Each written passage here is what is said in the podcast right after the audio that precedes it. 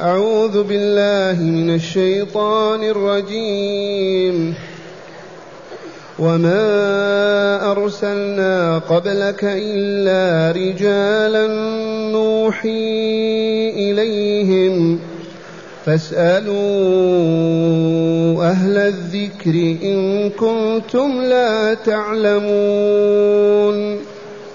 وما جعلناهم جسدا لا ياكلون الطعام وما كانوا خالدين ثم صدقناهم الوعد فانجيناهم فانجيناهم ومن نشاء واهلكنا المسرفين لقد أنزلنا إليكم كتابا فيه ذكركم أفلا تعقلون وكم قصمنا من قرية كانت ظالمة وأنشأنا بعدها قوما آخرين فلما أحسوا بأسنا إذا هم منها يركضون لا تركضوا وارجعوا إلى ما أترفتم فيه ومساكنكم لعلكم تسألون قالوا يا ويلنا إنا كنا ظالمين فما زالت تلك دعواهم حتى جعلناهم حصيدا خامدين أحسنت معاشر المستمعين والمستمعات من المؤمنين والمؤمنات أعيد إلى أذهانكم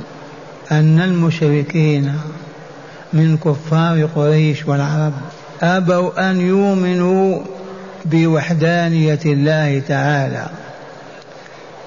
ورفضوا التوحيد ولم يعترفوا به مع إيمانهم بالله وأنه رب الأولين والآخرين لكن يريدون أن يعبدوا معه أصنامهم التي هي اللات والعزى ومناه إلى غير ذلك ثانيا أبوا أن يعترفوا بنبوة محمد صلى الله عليه وسلم أبوا أن يعترفوا بأن محمدا رسول الله صلى الله عليه وسلم وأصروا على تكذيبه وعدم الاعتراف به ثالثا أبوا أن يؤمنوا بأن هناك بعد هذه الحياة حياة أخرى يتم فيها الجزاء على العمل في هذه الدنيا بالخير والغير وأكثر الصور المكية تعالج هذه القضية واسمعوا قال تعالى وما أرسلنا قبلك إلا رجالا نوحي إليهم لماذا تقولون محمد كيف يكون رسولا وهو ياكل ويشرب وهو بشر فقال تعالى مثل وما أرسلنا قبلك يا محمد إلا رجالا نوحي إليهم والرسالة لا تكون للنساء قطعا للرجال لن يبعث الله امرأة رسولا ولكن يبعث الرجل نبيا ورسولا وما أرسلنا قبلك يا رسولنا إلا رجالا عظاما فضلاء كارم صلحاء نوحي إليهم ما نريد أن يبلغوه لعبادنا نوحي إليهم بالشرائع والأحكام لتستقيم حياة البشر ويكمل ويسعد في الدنيا وفي الآخرة إذ الله ليس في حاجة إلى البشر فيوحي إليهم ولكن من أجل أن يكملوا ويسعدوا في الدنيا والآخرة فبهذا أرد على المشركين دعواهم أن محمدا لن يكون رسولا وهو يأكل ويشرب ويمشي في الأسواق ثم قال تعالى لهم فاسألوا أهل الذكر إن كنتم لا تعلمون فاسألوا أهل القرآن ومنهم علي بن أبي طالب قال أنا من أهل الذكر أبو بكر الصديق عمر الذين كانوا في مكة يحفظون القرآن ويقرؤونه فهم أهل الذكر وأهل الذكر أهل الكتب الأولى التوراة والإنجيل والزبور هذه الكتب أهلها علماء اليهود والنصارى اسألوا من أسلم من اليهود يخبركم بالصدق من أسلم من رهبان النصارى يخبركم فاسألوا أهل الذكر إن كنتم لا تعلمون وهنا لا بد وأن نذكر أن طلب العلم فريضة لقول الرسول صلى الله عليه وسلم طلب العلم فريضة على كل مسلم طلب العلم الشرعي الذي به نعرف الله تعالى ونعبده لنكمل ونسعد هذا العلم الضروري يجب أن يحصل عليه كل مؤمن ومؤمنة والطريق أن نسأل أهل العلم نسأل أهل العلم نتعلم فاسألوا أهل الذكر إن كنتم لا تعلمون وهنا ما بقي بيننا جاهل عالمنا يسأل فيعلم وجاهل أن يسأل فيتعلم ما يبقى مؤمن في القرية ما يعرف الله ولا يعرف ما يحب الله ولا ما يكره الله من الاعتقادات والأقوال والأفعال نكون علماء وقالت العلماء في هذه الآية ما يدل على أن الأمي عليه أن يسأل صاحب العلم وعليه أن يقتدي به فيما علمه وتطمئن نفسه إلى ذلك على شرط أن يعرف أن فلانا من أهل العلم شهد له بذلك العلماء وقالوا عالم هذا إذا علمك شيئا اعمل به قلده ولا حرج والحجة فاسألوا أهل الذكر إن كنتم لا تعلمون ثم قال تعالى وما جعلناهم جسدا لا ياكلون الطعام وما كانوا خالدين يعني الرسل الانبياء وعلى راسهم سيدهم محمد صلى الله عليه وسلم ما جعلناهم اجسام اجساد لا لا حياه فيها ولا روح لا ياكلون ولا يشربون بل اجسام تعيش على الاكل والشرب وتنفس الهواء وتموت أيضا كسائر البشر وما كانوا خالدين فأبطل ذلك التملص كيف نؤمن برجل يأكل ويشرب كل الرسل يأكلون ويشربون وينامون ويمرضون ويداوون ويصحون و كسائر البشر ما هم ملائكة الملائكة نعم لا يأكلون ولا يشربون لكن الرسل من جنس الناس بشر كغيرهم ففكرة كيف نؤمن ببشر فكرة خاطئة اختاره الله لكونه بشرا حتى يعلمكم وتفهموا عنه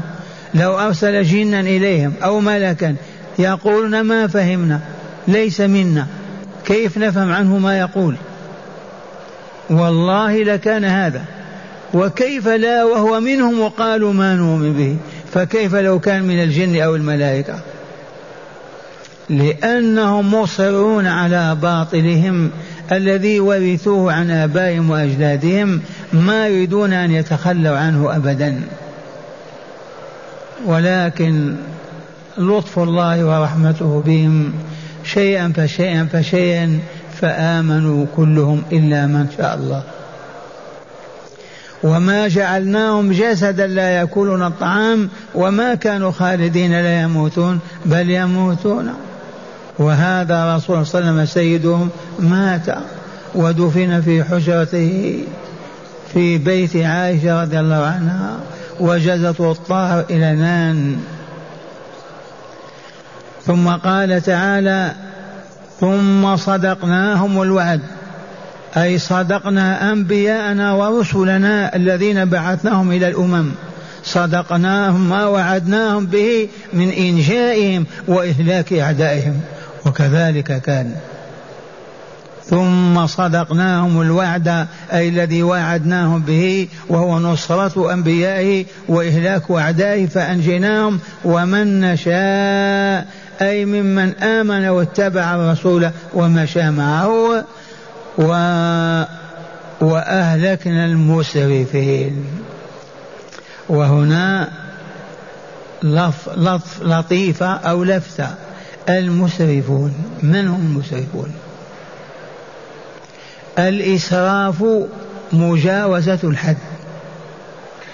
الإسراف في كل شيء الغلو فيه ومجاوزة الحد فلان يسرف في أكله في شربه يكثر فلان يسرف في في نفقته يبالغ فيها ويزيد فلان يسرف في قوله ويطغى ويقول الإسراف مجاوزة الحد والمراد بهم هنا المشركون الكافرون الفاسقون المجرمون وأهلكنا المسرفين وإلى الآن المسرفون يهلكون ويهلكهم الله عز وجل الإسراف في الظلم يطغون ظلما لا حد له في الفساد يتجاوزون الحد في الشر في الخبث والله يستوجبون الهلاك ويهلكهم الله بما يشاء فلنحذر الإسراف ونحن المؤمنون بحمد الله إن أكلنا نأكل بقدر حاجتنا إن شربنا كذلك إن لبسنا كذلك إن سكننا كذلك إن ركبنا كذلك لا إسراف إن الله لا يحب المسرفين ولو كان مؤمنا موحدا إذا كان مسرفا فالله لا يحب المسرفين القصد القصد لا اعتدال الاعتدال لا غلو لا إفراط ولا تفريط هذا هو وصف المؤمنين الصادقين حسبنا أن الله يكره ولا يحب المسرفين فلا نسرف في القول نتجاوز الحد فالمدح لا نشرف حتى نتجاوز الحد نمدح الشخص حتى نجعله كإله الإسراف معاشر المستمعين والمستمعات مذموم محرم الله لا يحب أهله سواء كان الإسراف في الكفر أو في الفسق أو في الفجور أو في الإنفاق أو العطايا وما إلى ذلك لقوله تعالى إن الله لا يحب المسرفين قال تعالى واهلكنا المسرفين نجينا المؤمنين مع رسلهم واهلكنا المسرفين في الظلم والشرك والكفر والباطل ثم قال تعالى يخاطب رسوله صلى الله عليه وسلم لقد أنزلنا إلي يخاطب العرب والعجم ويخاطب العرب وأهل مكة أولا لقد أنزلنا إليكم يا أهل مكة يا كفار قريش يا عرب يا عجم لقد أنزلنا إليكم كتابا عظيما ضخما لا يقاد وقدره ولا يرفع يرفع يعرف أدا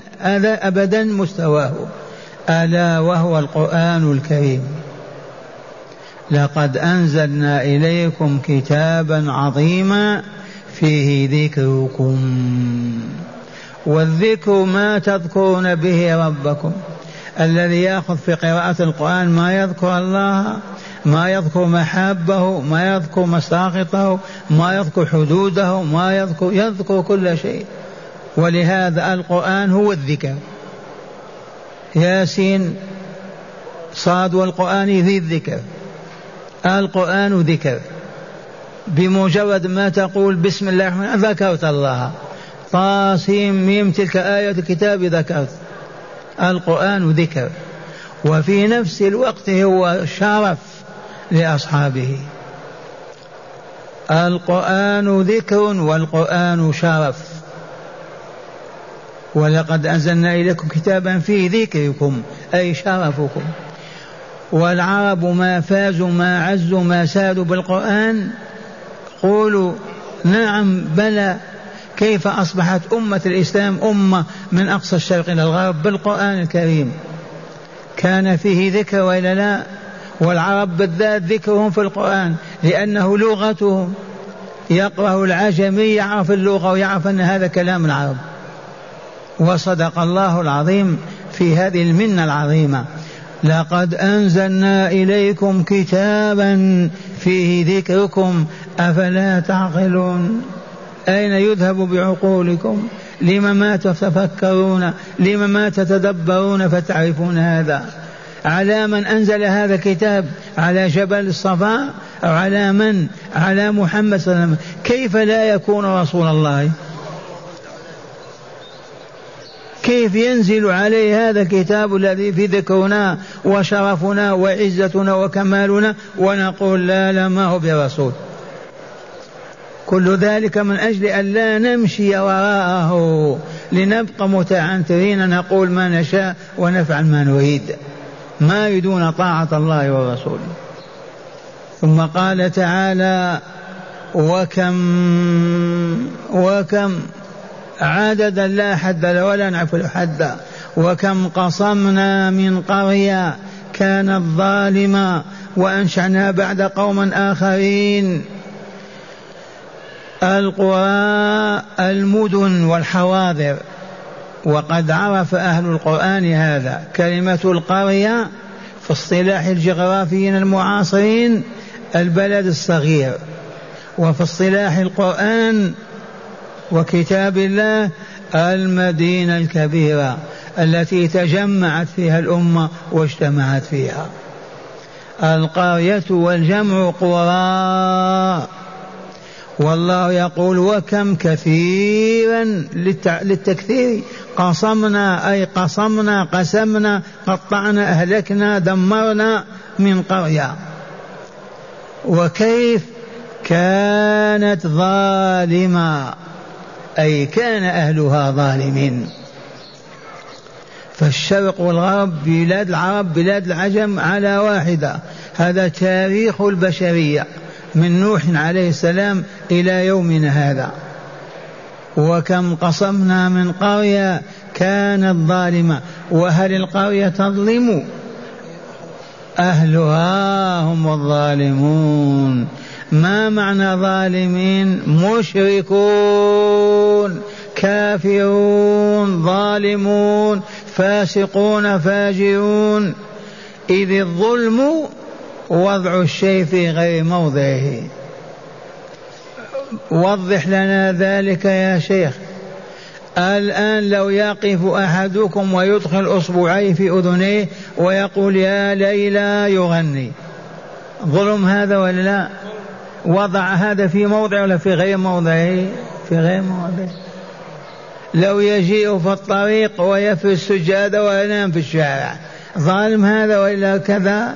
هذا موضع النوم في الشارع ظالم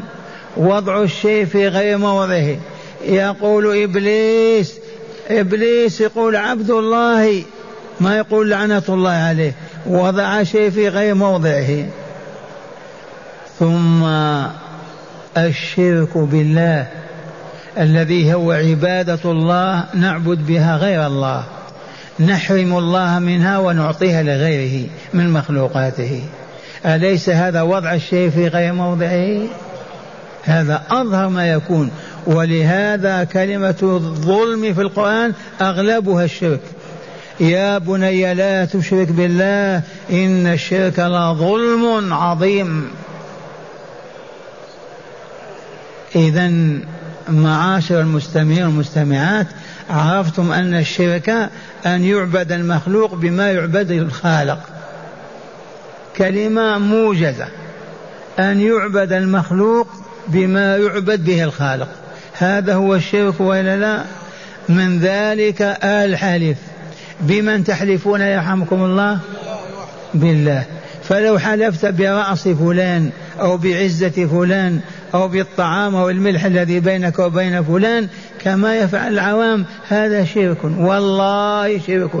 ما وجه الشرك فيه بدل أن يقول بالله العلي العظيم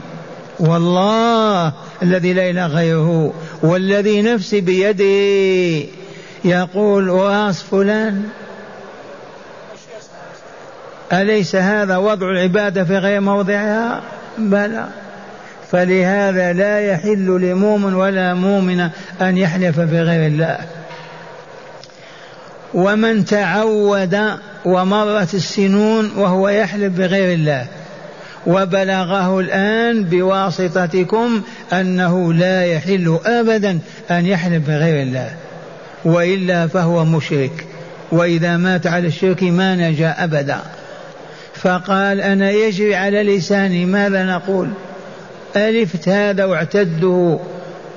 فنقول له لقد حل الرسول صلى الله عليه وسلم هذه المشكله لقد حل النبي صلى الله عليه وسلم هذه المشكله كيف كان ذلك لما اسلم الناس هذا اسلم من اسبوع هذا من سنه هذا من شهرين هذا من ثلاثه اليس كذلك ما دخلوا في يوم واحد ولا في عام واحد فالذي عاش طول عمره والعزى كل ما أراد هو العزى أو اللات كيف يصنع ما يريد ولكن يجي على لسانه فحل الرسول صلى الله عليه وسلم المشكلة بأن يقول بعد ذلك لا إله إلا الله قالوا راسك لا إله إلا الله والكعبة لا إله إلا الله وحق فلان لا إله إلا الله والنبي لا إله إلا الله بمجرد ما يشعر أنه حلف بغير الله يمحو هذا الإثم بقوله لا إله إلا الله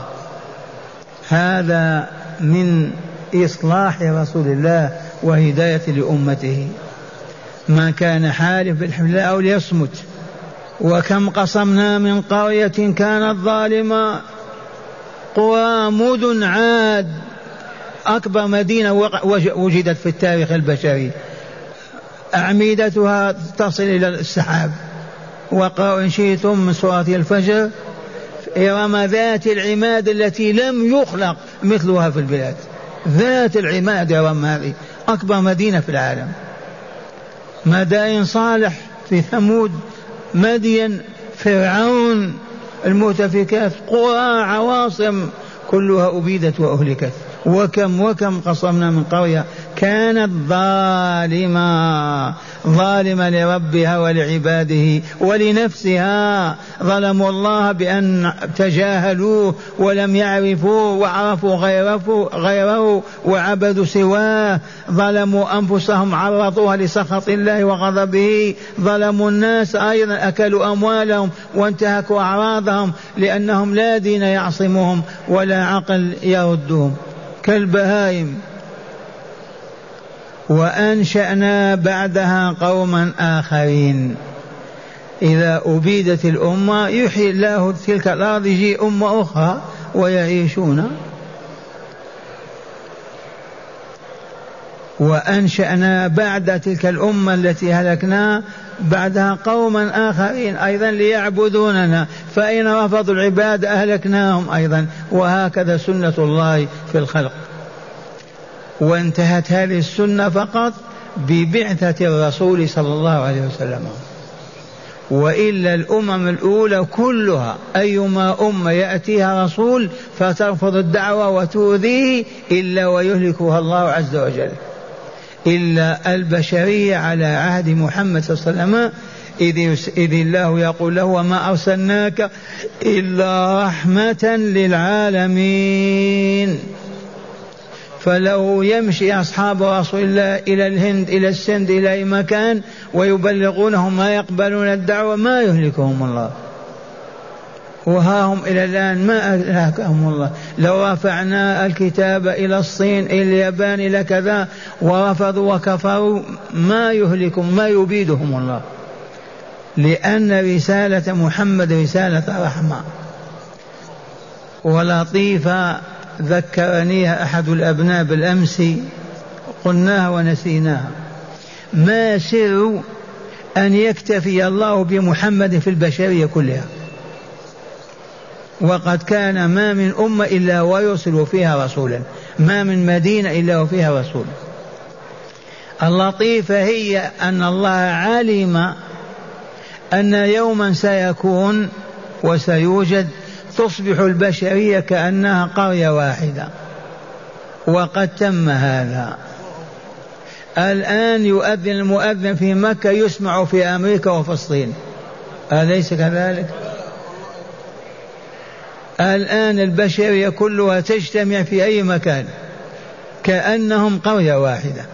فليس هناك حاجة إلى أن يبعث في كل إقليم رسولا ونبيا لعلمه أن رسالته ستبلغ الأبيض والأصفر في العالم وهكذا تم هذا قال تعالى للهالكين فلما أحسوا بأسنا سحب عواصف رياح تزلزلت الأرض لما جاء العذاب بدعوة الرسول لإهلاكهم فلما أحسوا بأسنا أي بأسنا عذابنا الشديد إذا هم منها يركضون من قراهم ومدينتهم هاربون تائهون في الأرض إذا هم منها يركضون تقول لهم الملائكة ساخرة بهم مستهزئة لا تركضوا وارجعوا إلى ما أوتفتم فيه ومساكنكم وعماراتكم لطيفة هذه تقول لهم الملائكة لما يشهدون من الزلزال والخص والصواعق والعذاب يهربون يقول لهم الملائكة ارجعوا إلى أين؟ إلى ما أوتفتم فيه من طعامكم وشرابكم ونكاحكم وأموالكم ولباسكم وساكنكم هيا ارجعوا لما هاربون شاردون توبيخ هذا وتقرع ولا لا لطيفة قالت العلماء إذا الله أهلك أمة ظالمة وبلغنا نزول البلاء بها لا بأس أن نسخر منهم كما سخر الملائكة من هؤلاء انتبهتم لو يصاب الروس الآن بفتنة نضحك ونسخر قل هذا جزاؤه واسمعوا الآية الكريمة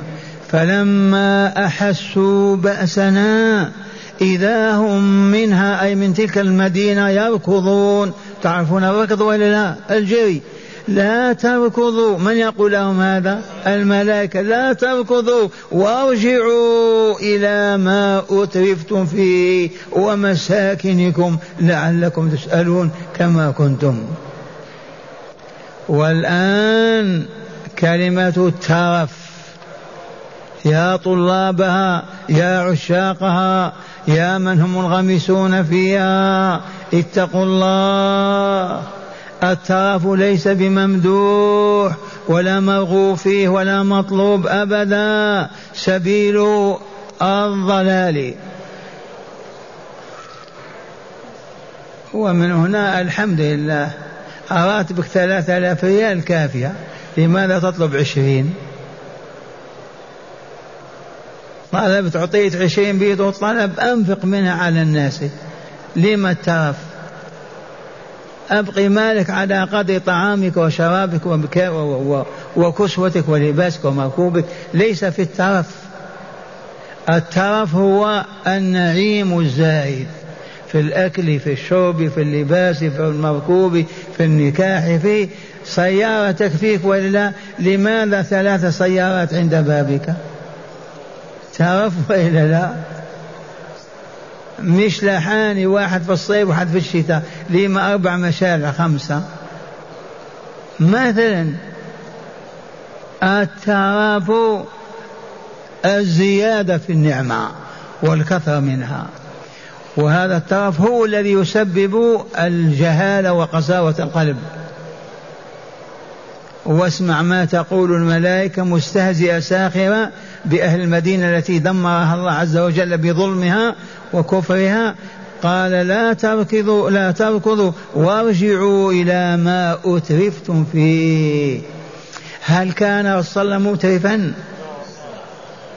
هل كان رسول الله صلى الله عليه وسلم مترفا هل كان عمر أبو بكر مترفا إليكم القصة الآتية لما ولي عمر الخلافة بعد أبي بكر الصديق رضي الله عنهما دعاه أحد الأمراء أو الولاة إلى غدا أو عشاء فوضع السفرة ووضع فيها كذا نوعا من الطعام وسفرنا الآن أعظم من تلك السفرة ممكن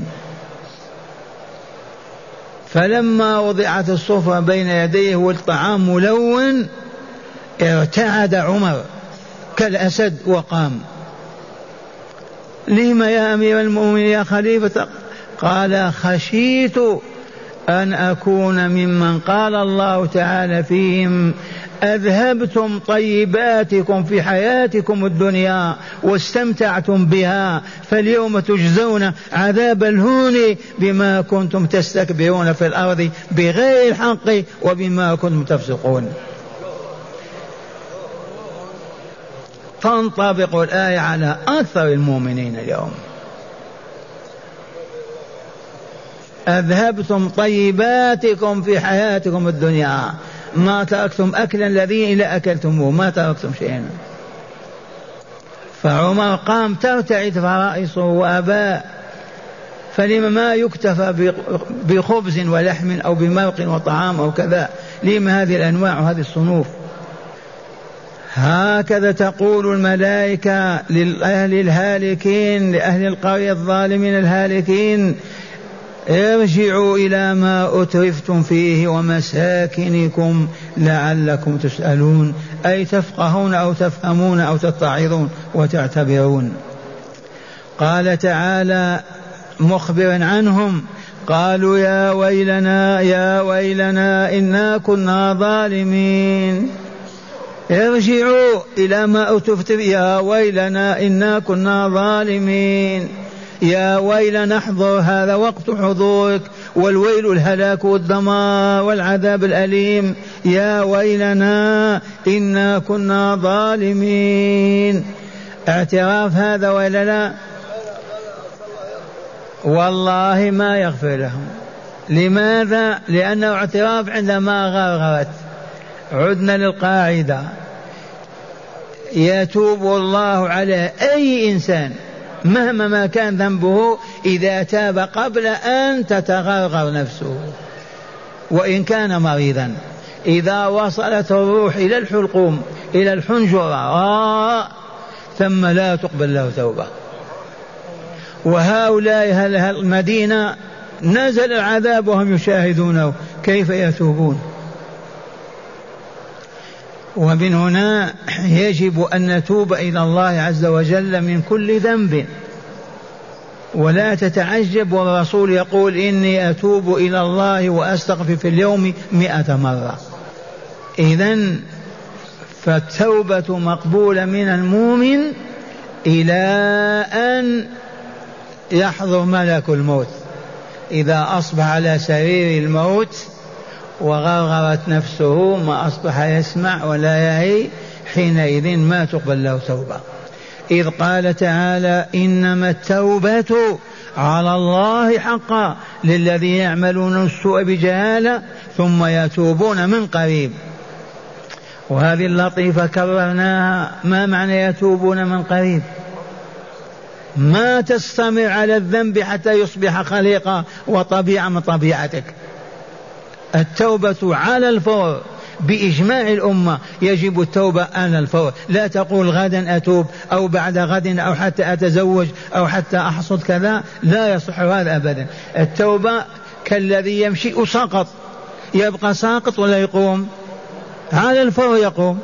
كذلك إذا زلت القدم وقلت كلمة باطلة أو نظرة محرمة أو عمل باطل على الفور تقول أستغفر الله أستغفر الله وأتوب إليه إنما التوبة على الله للذين يعملون السوء بجهالة أولا ما هم متعمدين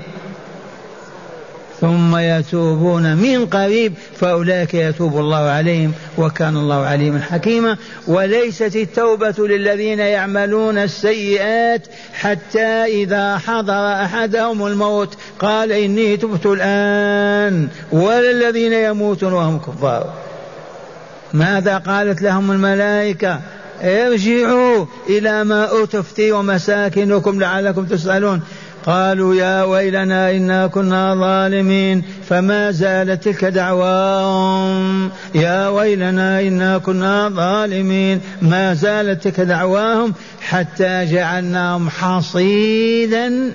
كالزرع المحصود بالمنجل آه إذا انطفأت خمدت يا أهل مكة يا أهل المدينة أيها العرب والمسلمون يا بني الناس أيتها البشرية هذا القرآن نازل لكم جميعا ما هو خاص بالعرب فقط ما تنزل الصواعق العذاب